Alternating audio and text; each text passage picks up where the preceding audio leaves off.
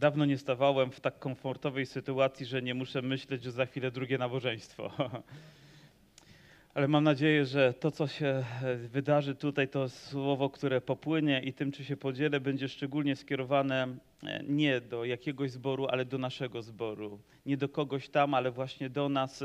I nawet nie tylko mi chodzi o to, żeby indywidualnie ono zostało przyjęte przez każdego z nas, ale żebyśmy przyjęli je też jako zbór w Dąbrowie Górniczej ponieważ to, co chcę przekazać, jest dla nas, tutaj dla członków, dla osób, które są częścią tej społeczności, niezwykle ważne. Inspiracją jest słowo z dziejów apostolskich ze zboru jerozolimskiego, pierwszego kościoła, który rodził się w mocy ducha, w wierności słowu, w takim oddaniu naszemu Panu. I o tym czytamy w szóstym rozdziale. Do tej pory widzieliśmy tą dynamikę rozwoju, to jak Bóg poruszał się w wielkiej mocy dla swojej chwały, jak dotykał wielu ludzi, jak wykonywał cudowne rzeczy i zbór rósł. I z pewnością my na takie, na takie wydarzenia możemy zareagować tylko w jeden sposób: Aleluja, Aleluja. Ale tam, gdzie zbór rośnie, pojawiają się potrzeby. Nawet nie mówię problemy, ale po prostu pojawiają się potrzeby, na które Kościół powinien zareagować. I my również jesteśmy zobowiązani do tego, by reagować na potrzeby, które są związane z Kościołem. Jeżeli tego nie zrobimy, to się zatrzymamy, a pewnego dnia może zobaczymy, że nie ma tylu już wierzących, tyle wiernych ludzi, którzy powinni tutaj być, dlatego że coś zaniedbaliśmy. Dlatego tak ważne dla mnie jest to, byśmy przyjęli to słowo, rozważyli w naszym sercu i byli mu po prostu wierni. I oto rozpoczyna się historia w ten sposób. W owym czasie, gdy liczba uczniów wzrastała, wszczęło się hebranie, szemranie helenistów przeciwko Żydom, że zaniedbywano ich wdowy przy codziennym usługiwaniu.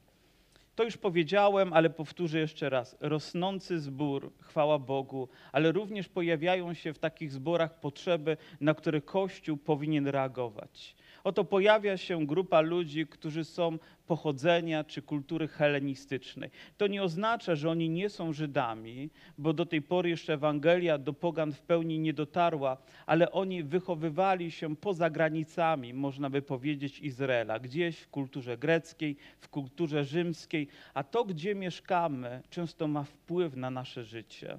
Jeżeli wychowywałeś się w Polsce, a później wyjechałeś do innego kraju, to zauważasz pewne różnice kulturowe, które kształtują dane społeczeństwo. I również odzwierciedla się to pewnym stylem nabożeństw, pewnym stylem pobożności i nawet pewnie interpretowaniem Bożego Słowa. A więc widzimy tutaj, że w tym samym czasie pojawiają się dwie grupy ludzi Żydów z, z dwóch różnych części świata. Z kultury żydowskiej, takiej tradycyjnej i z kultury helenistycznej, która być może bardziej była liberalna albo na inne rzeczy też nastawiona.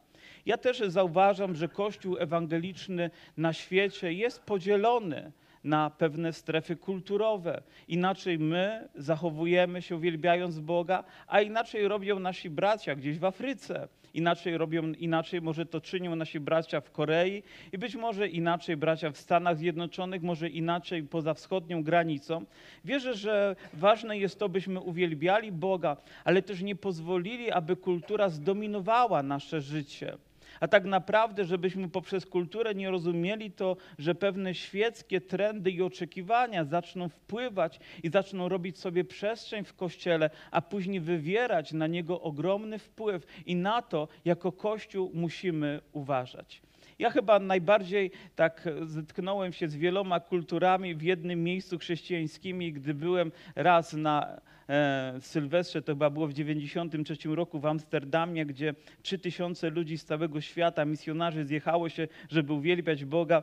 I wyobraźcie sobie mnie, tradycyjnie wychowanego człowieka, nagle stawia się z człowiekiem z innej kultury, który, aby uwielbić Boga, staje na głowie. Autentycznie, przy mnie stanął na głowie i taki szczęśliwy, aleluja. Ja aż do takich fikołków powołany nie byłem w tym czasie, żeby czynić, ale z pewnością ten obraz zapamiętałem. Innym razem miałem okazję być w Stanach Zjednoczonych, gdzie również ludzie z różnych stron, z różnych kultur przyjechali, żeby uczyć się też, jak lepiej być może prowadzić zbór, ale to byli Amerykanie. I też e, podczas jednego wykładu, gdy byli bracia czarnoskórzy z Afryki, byli biskupami, przynajmniej tak się tam ich nazywało, gdy słyszeli, jak ludzie z kultury amerykańskiej zwracali się do swojego pastora mówią, o Steve, proszę to, Steve tamto, Steve inne, inne rzeczy jeszcze. I w pewnym momencie jeden z nich nie wytrzymał, eksplodował, powstał i mówi, nie godzi się, żebyście wy do swojego pastora mówili po imieniu. Po prostu dla niego było to tak oburzające, że on musiał emocjonalnie na to zareagować i, i dał, tego, dał tego wyraz. Ja jeszcze inaczej się o tym przekonałem, ponieważ podczas tego tygodnia mieliśmy dzień na zakupy. A więc y, dano nam kierowców samochodami i umieszczono nas też z różnych części świata w jednym samochodzie.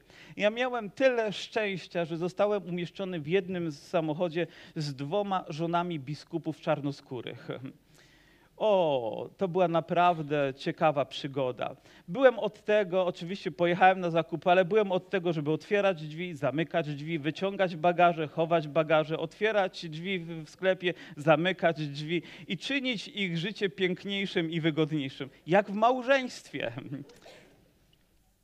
Już wiem, jaką miałbym służbę, gdybym się w tej kulturze wychowywał, ale po prostu tak było i one nawet oczekiwały tego, że ja w ten sposób będę się zachowywał, a że jestem Polakiem, jestem dobrze wychowanym młodym człowiekiem, więc w związku z tym w ten sposób mogę to też prezentować. Chcę tylko, żebyście zrozumieli, że, że żyjemy czasami w różnych kulturach i sp- spotykamy się razem, to może dochodzić do pewnych sytuacji, które mogą być trudne. Tutaj ta sytuacja była wywołana też pewną potrzebą. Oto oni przyjechali gdzieś z Grecji, gdzieś z Rzymu, może z innych części świata na to wielkie święto i podczas tego święta usłyszeli Ewangelię, oddali swoje życie Jezusowi, uwierzyli w Niego, zostali ochrzczeni i pozostali w Jerozolimie.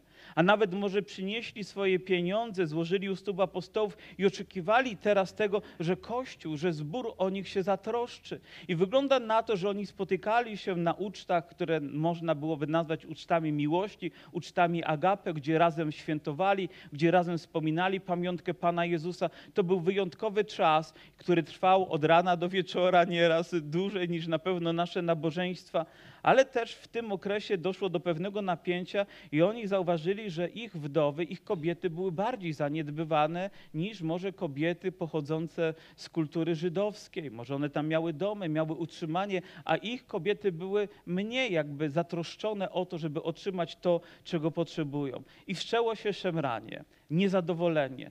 My wszyscy wiemy, jak to jest w Biblii, kiedy zaczyna się szemranie. My wiemy, czym to pachnie, jakie mogą być tego konsekwencje. I tak samo w zborze, kiedy zaczyna się szemranie, kiedy zaczyna się niezadowolenie. Pytanie, czy słuszne, czy nie, czy właściwe, czy nie, ale gdy się zaczyna, to zaczyna wytwarzać się niezdrowa atmosfera. Prawda, że tak?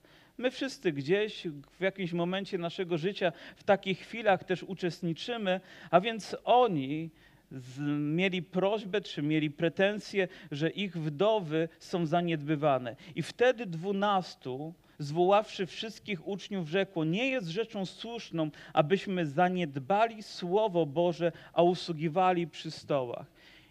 Oni powiedzieli, apostołowie tych dwunastu, którzy zostali przez Boga wybrani, w zasadzie jedenastu, bo jeden odpadł i później oni jednego też dołączyli do tego grona i zrobili to w bardzo charakterystyczny sposób. Upatrzyli człowieka, który cały czas z nimi był, który znał Jezusa osobiście, chodził razem z nim, słuchał Jego słowa, a więc miał wszystkie te e, cechy, predyspozycje, które kwalifikowały go do tego, żeby apostołem zostać, ale było ich dwóch, w związku z tym rzucono los i wybrano, pamięcie, pamiętacie kogo?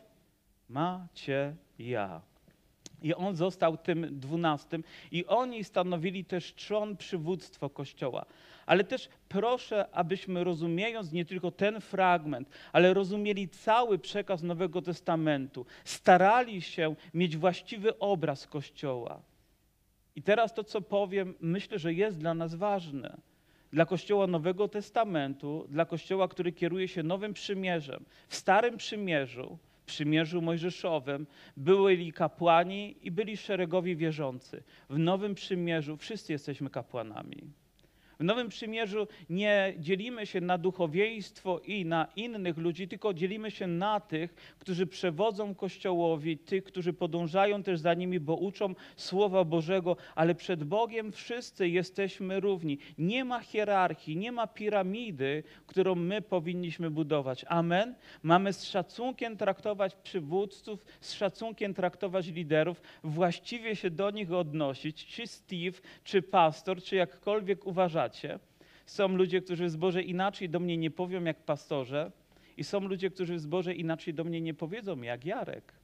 Jakby słowo pastor w ogóle przez głowę. Ale nie, ja nie dlatego, że mam z tym jakiś problem, tylko zastanawiam się dlaczego, nie? Ale nie mam z tym żadnego problemu. Ale tak czasami po prostu jest. Tak? Ale ważne jest, żebyśmy rozumieli, że w Kościele Pana Jezusa Chrystusa my wszyscy jesteśmy powołani do tego, by z szacunkiem traktować jedni drugich, ale przed Bogiem jesteśmy, jesteśmy równi. I oni mówią, musimy ten problem rozwiązać, ponieważ jeżeli tego nie zrobimy, to coś zostanie zaniedbane. W tym przypadku chodziło o rozwiązanie pewnej potrzeby, można powiedzieć, charytatywnej, związanej z tym, żeby zaopatrywać innych w potrzebie. A więc Kościół ma wykonywać pewne funkcje nie albo, tylko i. A więc możemy zająć się słowem, modlitwą i zaniedbać te wszystkie rzeczy, które są związane też z naszym codziennym funkcjonowaniem, ale wiecie, że to będzie niezdrowe, że to wzbudzi szemranie, że to nie będzie odpowiadało na wszystkie potrzeby, które są związane z życiem Kościoła.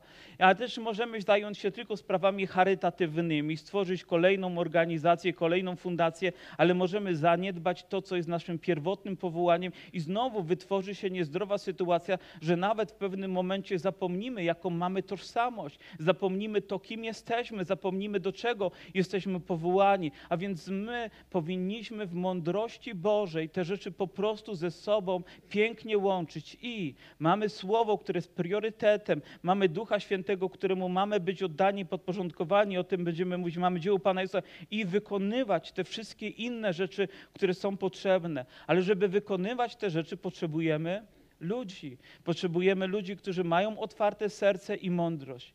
I oni wiedzieli, że jeżeli zaniedbają tę rzecz, to stanie się problem.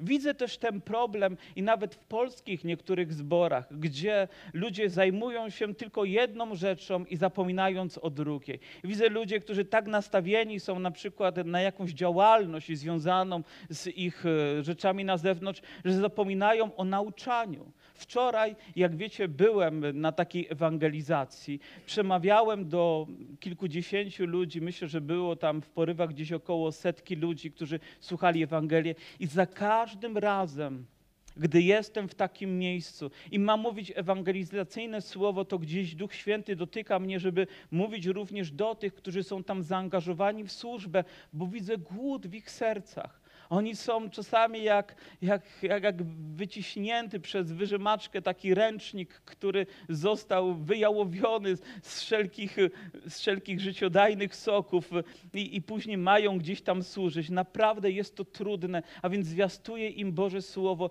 i oni wychodzą wraz z tymi, którzy potrzebują się nawrócić na środek, bo coś zostało zaniedbane, nie są umacniani. Jeżeli ktoś ci mówi tylko idź i rób to, idź i rób to, idź i rób to, to w pewnym momencie momencie powiesz, a skąd mam wziąć do tego sił? Jeżeli nie ma Bożego Słowa, jeżeli nie ma fundamentalnego nauczania w naszych sercach, jeżeli to nie jest priorytetem. Ale jeżeli tylko w tym miejscu będziesz i nie będziesz wykonywał, to po co ci siły, jeżeli nie wykonujesz to, do czego jesteś powołany? Więc te rzeczy musimy w mądrości łączyć. Dlatego potrzebujemy różnych ludzi z różnym obdarowaniem, aby służyć temu pięknemu celowi budowania Kościoła Pana Jezusa. I jeżeli nasz zbór będzie będzie wzrastał, to pojawią się potrzeby z tym związane.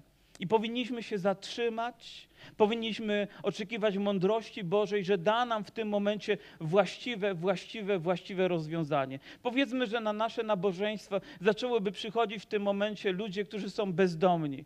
Czy to nie powinno nas zastanowić, dlaczego Bóg tych ludzi umieszcza? Czy nie powinniśmy znaleźć jakąś odpowiedź, możliwość, żeby im pomóc? Albo ludzie, powiedzmy, z innymi jakimiś problemami, czy nie powinniśmy zareagować na to, bo jeżeli to nie zostanie spełnione, to ten problem zacznie ciążyć w naszym zborze. A więc musimy reagować, widząc, być mądrzy, być czujni. Nawet nie to, że wsłuchiwać się w takim znaczeniu, jak, jak plotki się rozpowiada, tylko słyszeć też i tęsknoty i potrzeby ludzi, trwać w Bogu, a On będzie nam wskazywał to, że musimy coś właściwie rozwiązać. Więc potrzebujemy trwać w Słowie i nie możemy też z tego powodu oskarżać się nawzajem. Żyjemy w czasach, kiedy kultury się łączą też ze sobą. Oto w naszym kraju pojawiają się też osoby z kultury wschodniej, też za naszej wschodniej granicy, którzy być może w trochę innej rzeczywistości byli wychowywani i być może za chwileczkę z innej kultury. Dzisiaj nawet widzieliśmy brata, który jest trochę lepiej opalony niż my wszyscy i pięknie gra. On też z innej kultury wywodzi się i każdy z nas mógłby teraz oczekiwać tego, co dla niego, ale nie. Musimy wytworzyć miejsce, naprawdę pochylić się nad tym bardzo głęboko, by stworzyć takie miejsce, gdzie wspólnie razem będziemy to mogli robić dla chwały Boga. Wiecie, dla mnie piękne jest to, gdy ludzie różni mogą w jednym miejscu, bez ograniczeń, Pana chwalić. Że nie liczy się kolor skóry, miejsce naszego wychowania, ale to, do czego zostaliśmy powołani. I myślę, że zbór jerozolimski jest dla nas przykładem. Oni mówią, to załóżcie sobie swój zbór. Nie mówi, bądźcie w naszym zborze, bo to jest jeden kościół, jeden zbór, do którego zostaliśmy powołani. A dzisiaj łatwiej byłoby to zrobić oczywiście zupełnie tak, jak dyktuje nam być może nasza potrzeba. Mówi, a my pilnować będziemy modlitwy i służby słowa ponieważ jest to fundament. Jeżeli zapomnimy o modlitwie, zapomnimy o służbie słowa, to w ogóle możemy zapomnieć pewnie o Kościele. I podobał się ten wniosek całemu zgromadzeniu. Ale wcześniej jeszcze, przepraszam, ten wiersz nie mogę ominąć, muszę do niego powrócić. I oni mówią, w związku z tym upatrzcie bracia spośród siebie siedmiu mężów cieszących się zaufaniem, pełnych Ducha Świętego i mądrości i ustanowimy ich, aby zajęli się tą sprawą. I będąc wiernym Bożemu Słowu, to czytamy, że ma być to liczba siedem, a czy ona jest nakazem biblijnym, czy ona jest przykładem tego, że potrzeba, która jest wywołana w związku z tą sytuacją w sposób pełny, powinna uzyskać odpowiedź, a my decydujemy, jaka to ma być liczba. Wyobraźcie sobie, powiedzmy, zbór, który ma 20 osób, a teraz musimy powołać tam siedmiu ludzi, żeby byli, powiedzmy, starszymi zboru. Wydaje mi się, że to jest nieadekwatne, że tutaj po prostu potrzebujemy pełni. Aby ta sytuacja znalazła odpowiedź, potrzebujemy pełni. I liczba 7 w Biblii mówi o pełni Bożej, o tym, o tym doskonałym planie, który Bóg ma, który chce wypełnić, i my również powinniśmy tą myśl zaszczepić w nas. Ale to, co mnie też uderza, to to, że mają być to ludzie, którzy cieszą się zaufaniem i są pełni Ducha Świętego. Te dwie ważne rzeczy. Kogo możemy obdarzyć zaufaniem? Myślę, że temu, komu moglibyśmy powierzyć nasze pieniądze, prawda?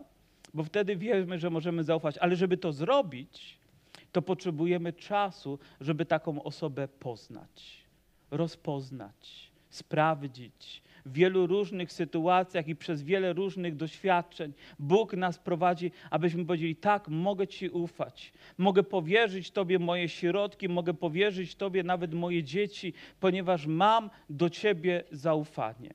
Kiedyś byłem w zborze bardzo, bardzo dużym, który liczył 20 ponad tysięcy osób, które się zbierało a więc olbrzymi zbór. I były też tam zajęcia dla dzieci, tak w zasadzie to były szkoły dla dzieci. Rodzice przyprowadzali, to były setki, tysiące dzieci i potrzeba było mnóstwo nauczycieli, którzy będą tam. Ale za każdym razem, gdy pojawiła się potrzeba jakby zaangażowania nauczyciela, wiecie co oni robili? Sprawdzali tę osobę. To nie było tak, o bracie, dobrze, teraz będziesz zajmować się moimi dziećmi, ale oni szli do miejsca, gdzie on mieszkał, do miejsca, gdzie pracował, a nawet sprawdzali go, jeśli to było możliwe w systemie, czy nie jest oskarżony o coś, co później mogło być szkodliwe, żeby tę osobę można było użyć w tej służbie. Czy oni nadużyli tego? Wydaje mi się, że właśnie chodzi o to, byśmy upatrzyli ludzi, którzy są godni zaufania. Żyjemy w społeczeństwie, które lubi być incognito. No, co to kogo obchodzi, jak ja żyję, a chcemy mieć wpływ na innych. Ja nie bardzo chciałbym, żeby na moje dzieci, no teraz to już trudno, bo nawet ja sam tą kontrolę tracę, ale żeby na moje wnuki, jeżeli Pan mi kiedyś da, to żeby miał wpływ ktoś, o kim ja nic nie wiem. Ja jako dziadek wtedy stanąłbym w pierwszym szeregu, nawet gdyby moje dzieci tego nie zauważyły, troszcząc się o to, by nie stała się im krzywda. I tak samo myślę, że gdy Bóg patrzy na swój Kościół, który jest mu tak miły, za którego poświęcił tak wiele, aby nie wydarzyło się nic, co będzie Jego niegodne i co będzie ranić, więc potrzebujemy ludzi, którzy są godni zaufania. I pierwszy punkt, jaki mam, szukajmy takich ludzi w społeczności. Przypatrujmy się im. To nie jest brat, który pojawił się wczoraj. Czasami też przychodzą ludzie, których nie znam, nie wiem o nich nic, nie stoi żadnymi, za nimi żadne świadectwo. A mówią, pastorze, chcę powiedzieć kazanie. Ja mówię, możesz powiedzieć kazanie, gdzie chcesz, tylko nie tutaj. Ponieważ tutaj to miejsce jest dla ludzi, którzy zostali sprawdzeni, obdarzeni zaufaniem, ponieważ to, co powiedzą, będzie miało wpływ na nasze życie. Czy to jest właściwe? Jestem przekonany, że tak. I nie robimy dlatego, żeby ograniczać, tylko dlatego, żeby chronić Kościół, bo nawet jedno zdanie wypowiedziane w niewłaściwy sposób może spowodować, że będziemy mieli ogromne problemy. Więc musimy wybrać ludzi godnych zaufania, którym będziemy mogli powierzyć inne rzeczy. Ale też druga rzecz, która dla mnie jest równie istotna, jak jeszcze nieważniejsza, że są to ludzie, którzy są pełni Ducha Świętego. W tym miejscu w języku oryginalnym pojawia się słowo pneuma. Inne słowo, które określa też działanie Ducha Świętego, to dynamizm. A więc dwa słowa, które i dzisiaj znamy, pneumatyka, a więc działanie jakichś sił sprężonego powietrza, wiatru i, i, i, działanie też dynamitu, bo to słowo ma swoje pierwotne e, jakby odkrycie w Biblii, bo dotyczy działania Ducha Świętego. Więc Duch Święty jest jak pneuma, jak dynamit. Podoba wam się? My wszyscy tego potrzebujemy. Lubię patrzeć, jak jadę do wulkanizacji, jak odkręcają mi koło. Jakiś pan węża do jakiegoś urządzenia tam przyczepi i od razu odkręca koło. Mówię, prądu nie potrzebuję ponieważ tam w tym przewodzie jest pneuma, jest ta siła, która napędza, która daje możliwość odkręcenia tych śrub. I myślę, że my powinniśmy być takimi narzędziami, którzy mają pneuma, prawda? Mają to podpięcie do Bożej mocy, do Jego działania, do Jego kierowania naszym życiem. Inaczej jesteśmy tylko jakąś, jakimś urządzeniem, które ma masę, kilogramy, ale nie ma mocy, nie ma siły. Może nawet ładnie wyglądać, może nawet na półce być kosztowne, ale być nieużyteczne, jeżeli nie ma pneuma. I tak samo cóż możemy zrobić, jeżeli nie mamy tego dynamizmu, tego Bożego działania, poruszenia, tej siły? A więc jak możemy upatrzyć tych ludzi w zgromadzeniu? Oto widzimy w ich życiu Boże działanie. Widzimy, jak Bóg się nimi posługuje, a przede wszystkim, tak jak uczy nas Boże Słowo, po owocach ich poznacie.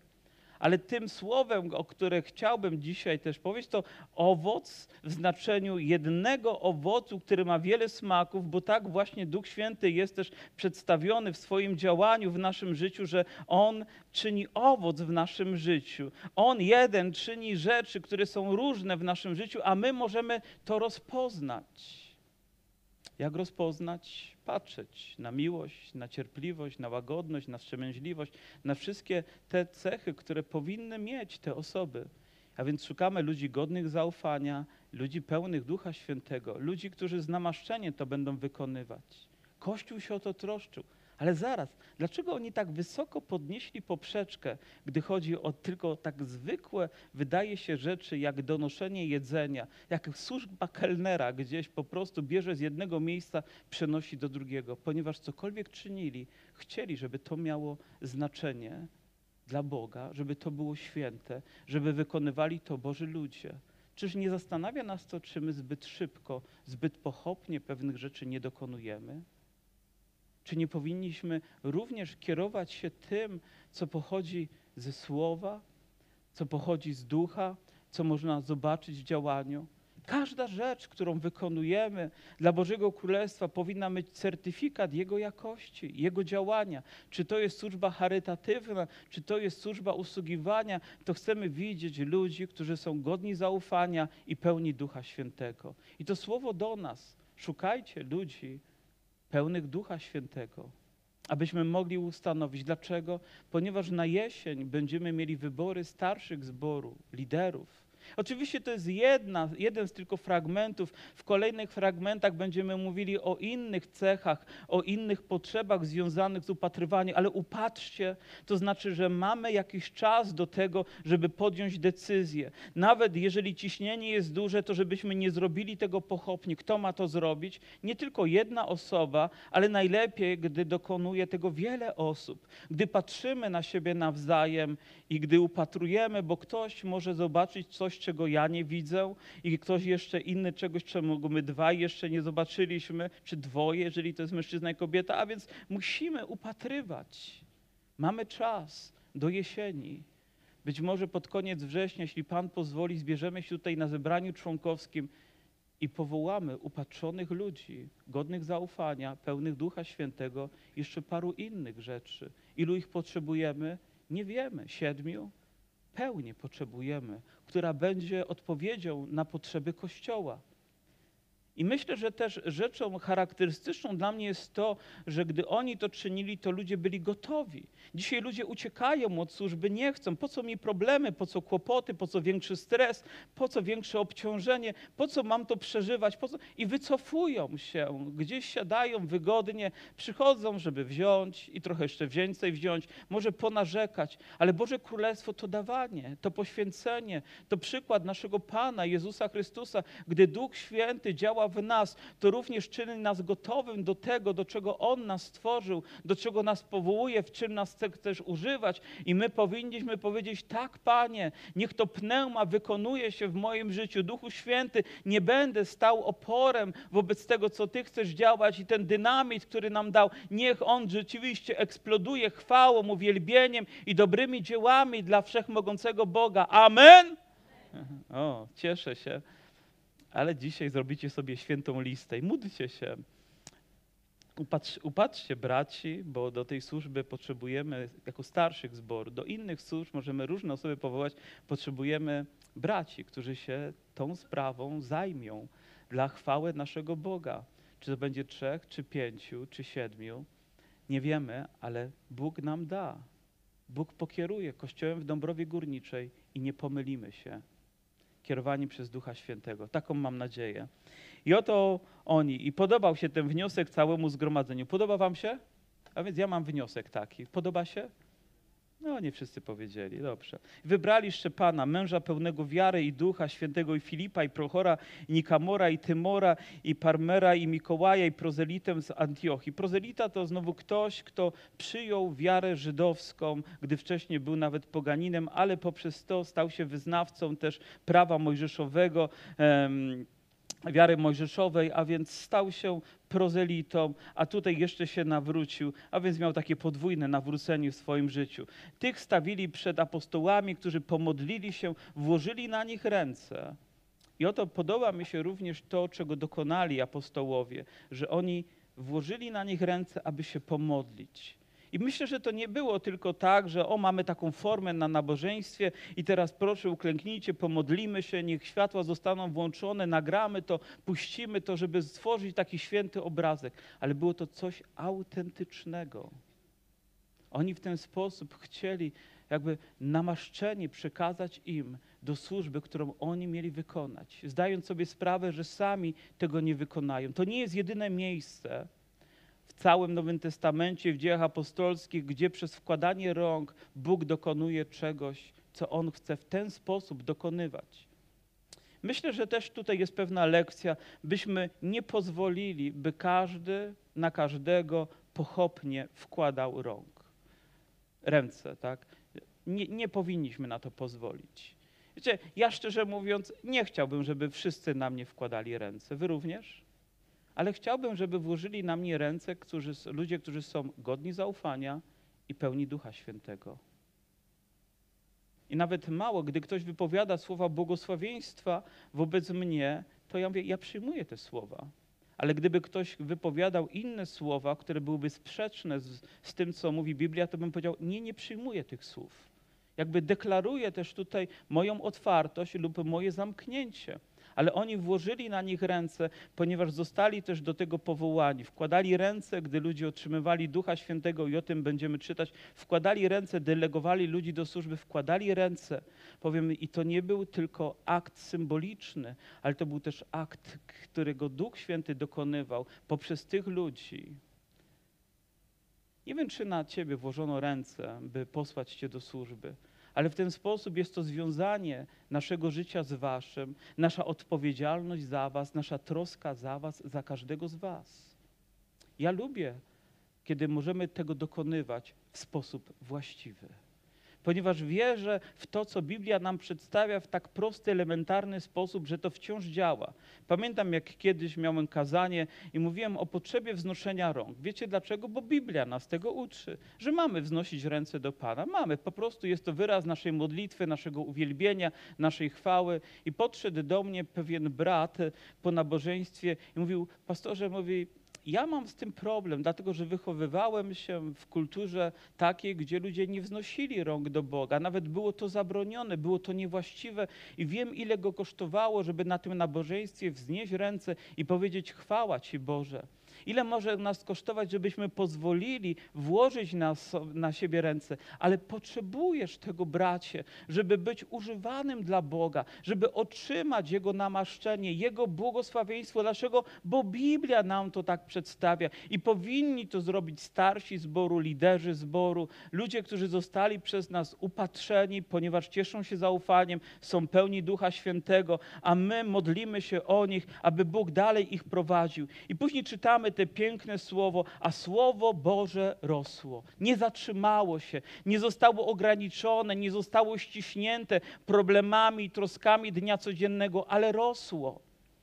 I chyba tragedią też indywidualnego naszego życia jest to, że to Boże dzieło, które zaczęło się z tak wielką mocą, pneuma, dynamizm, to Słowo Boże rosło, ale w jakimś momencie Twojego życia po prostu się zatrzymało. Jakbyśmy utknęli i jesteśmy w tym samym miejscu albo krążymy i dochodzimy do tego samego miejsca co roku i co roku i co roku, zamiast iść dalej. Ale tutaj oni poprzez tą decyzję, którą podjęli i działania, które też tutaj zaproponowali Kościołowi, poszło to dalej. Jestem przekonany, że na tym miejscu są ludzie, którzy chcą iść dalej, chcą, żeby Boże Słowo rosło w kościele, w tym mieście, a przede wszystkim w nas. Może to, czego dzisiaj też potrzebujesz, to żeby ktoś włożył na ciebie ręce i pomodlił się, aby ta bariera zniknęła. Sam, może modlisz się dziesiątki razy, ale potrzebujesz zwyczajnego brata, godnego zaufania, pełnego Ducha Świętego, aby pomodlił się o ciebie. Nie stój w tym miejscu, gdzie jesteś i tak mówię właśnie do ciebie. Może utknęłaś, utknąłeś i potrzebujesz, aby ktoś mocą Bożą popchnął dalej twoje serce do tego, byś mu służył i przynosił chwałę. Wiecie, jakże bardzo pragnę, by Słowo Boże rosło w naszej społeczności, by nic go nie ograniczało, by nie zostało ściśnięte w naszych skurczonych sercach, w naszej ograniczonej być może formie pobożności. I, I, nie dlatego, że ona jest taka skorumpowana i tradycyjna, tylko dlatego, że po prostu tak mało przestrzeni dajemy, aby Bóg we wszystkim mógł być uwielbiony. Po prostu pozwól Mu na to, żeby On działał w Twojej wielkiej mocy, w Twoim życiu. To słowo jest również do Ciebie, jest do nas jako do Kościoła, aby Słowo Boże rosło. Pewnego dnia gdy mieliśmy te wszystkie ograniczenia i gdy modliłem się miałem wizję, o, która rozpaliła moje serce. Widziałem tak pełną kaplicę, że młodzież siedziała tutaj z przodu. A teraz mamy tak mało młodzieży. Niech Pan to sprawi. Niech Słowo Boże rośnie. Niech to stanie się faktem. Niech to miejsce napełnia się Bożą chwałą. Potrzebujemy ludzi godnych zaufania i pełnych Ducha Świętego. I widzę też, jak Bóg kształtuje nas, abyśmy się takimi ludźmi stawali, takimi ludźmi byli używani przez Boga. Widzę, jak Bóg zmienia mnie. Kiedyś dzieliłem się takim słowem o mądrości Bożej i pomyślałem sobie, Jarek, Jarosławie, kiedyś ty nie byłeś mądry, ty byłeś przemądrzały. Mam nadzieję, że teraz nikt tak o mnie nie myśli. Biada wam po trzykroć, gdy tak myślicie. Ale przyszły doświadczenia. Przyszedł czas, kiedy stanąłem i mówię, Boże, czy ja w ogóle mam coś do powiedzenia? Mówię, Panie, jeżeli nie dasz mi swojej mądrości, to ja nie chcę być przemądrzały.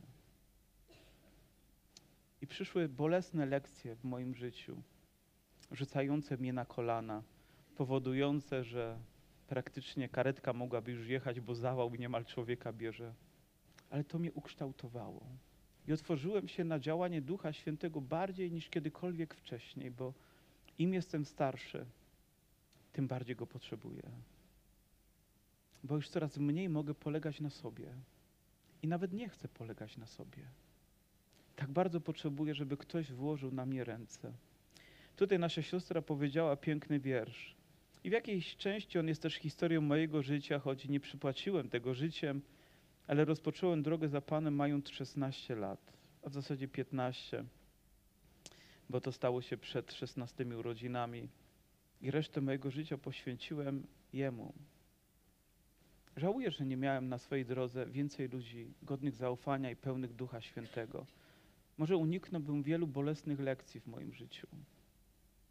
Ale dzisiaj nie chcę tego zaniedbać w stosunku do innych.